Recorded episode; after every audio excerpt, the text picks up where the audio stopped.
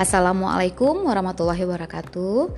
Baiklah teman-teman pecinta literasi, hari ini saya ingin sedikit bercerita saja mengenai menulis karangan ilmiah yang pernah juga saya dapatkan sewaktu di bangku kuliahan. Nah, bagi teman-teman atau yang lagi dalam proses penulisan karya ilmiah, sedikit kita menjelaskan tentang apa itu karangan.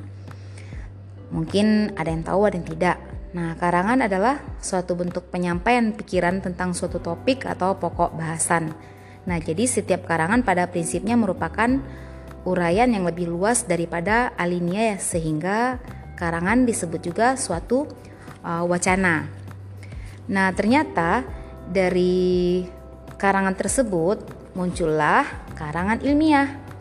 Nah, karangan ilmiah sendiri merupakan tulisan yang mengungkapkan buah pikiran hasil dari pengamatan atau peninjauan terhadap sesuatu yang disusun menurut metode atau sistematika tertentu. Macam-macam karangan ilmiah ada lima buah. Yang pertama eksposisi, yang kedua argumentasi, yang ketiga deskripsi, kemudian narasi dan persuasi.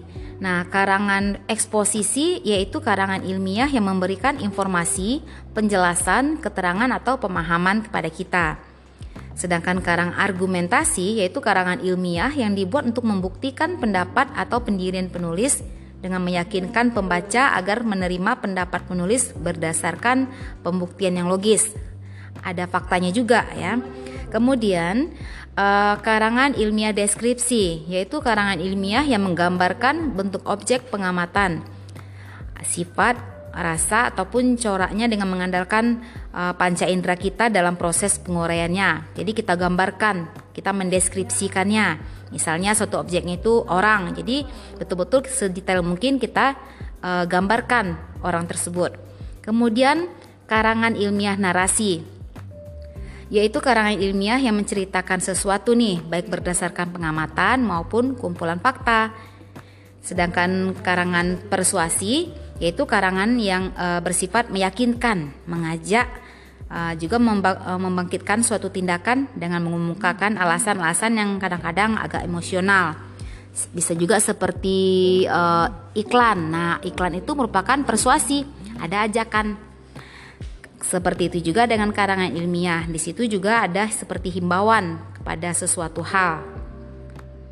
Ini saya ingin sedikit bercerita saja.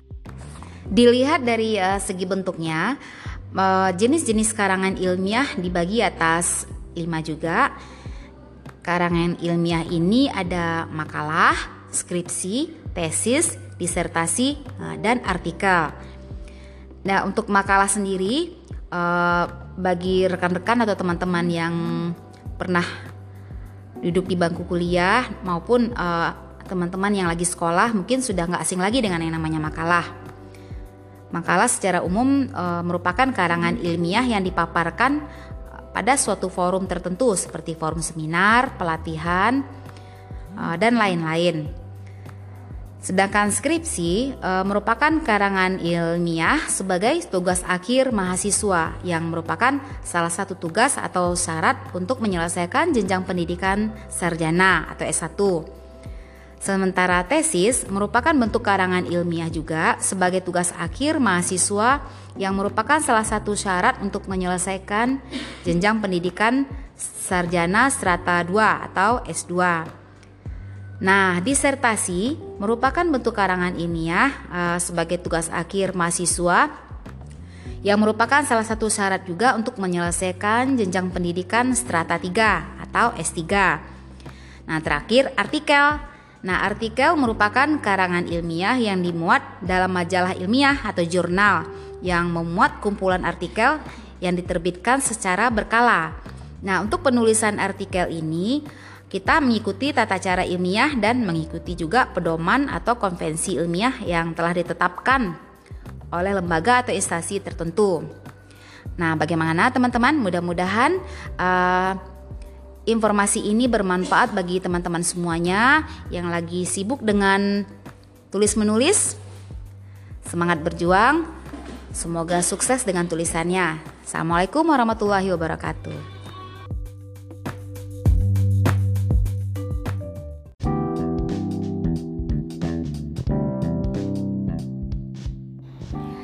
Assalamualaikum warahmatullahi wabarakatuh. Selamat sore semuanya.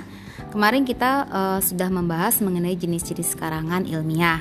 Nah, kali ini kita akan membahas mengenai ciri-ciri karangan ilmiah. Nah, adapun ciri-ciri karangan ilmiah adalah yang pertama, tulisan harus mempunyai alasan yang dapat diterima akal sehat atau logis ya. Yang kedua, tulisan disusun dalam urutan yang berkesinambungan atau sistematis. Yang ketiga, tulisan harus berdasarkan apa yang benar-benar ada sesuai fakta atau objektif. Yang keempat, tulisan harus teruji kebenarannya. Nah, ciri-ciri karangan ilmiah berikutnya yaitu bahasanya bersifat lugas dan denotatif.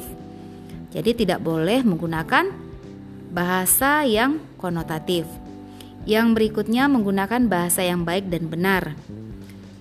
Selanjutnya, Adanya pembahasan dan permasalahan yang spesifik, harus khusus, harus jelas. Terus, yang kedelapan mengikuti kaidah penulisan karya tulis ilmiah tertentu. Yang kesembilan, faktual dan dapat dibuktikan kebenarannya. Yang kesepuluh, jelas dan tegas. Sebelas, data diperoleh berdasarkan prosedur ilmiah dan dua belas tuntas dan lengkap. Setelah kita bercerita tentang ciri-ciri karangan ilmiah, berikutnya kira-kira langkah-langkah apa saja sih cara membuat karangan ilmiah?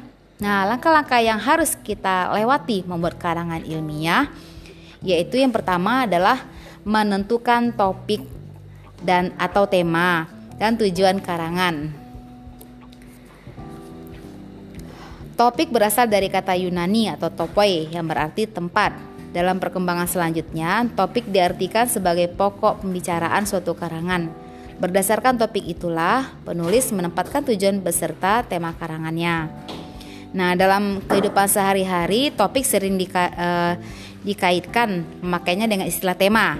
Nah, menurut asal katanya, tema merupakan uh, dari bahasa Yunani ya, yaitu titenai, yang berarti menempatkan Nah, dari segi proses nih penulisan karangan, tema dan topik memiliki rumusan yang berlainan walaupun nantinya apa yang dirumuskan keduanya memiliki hakikat yang sama.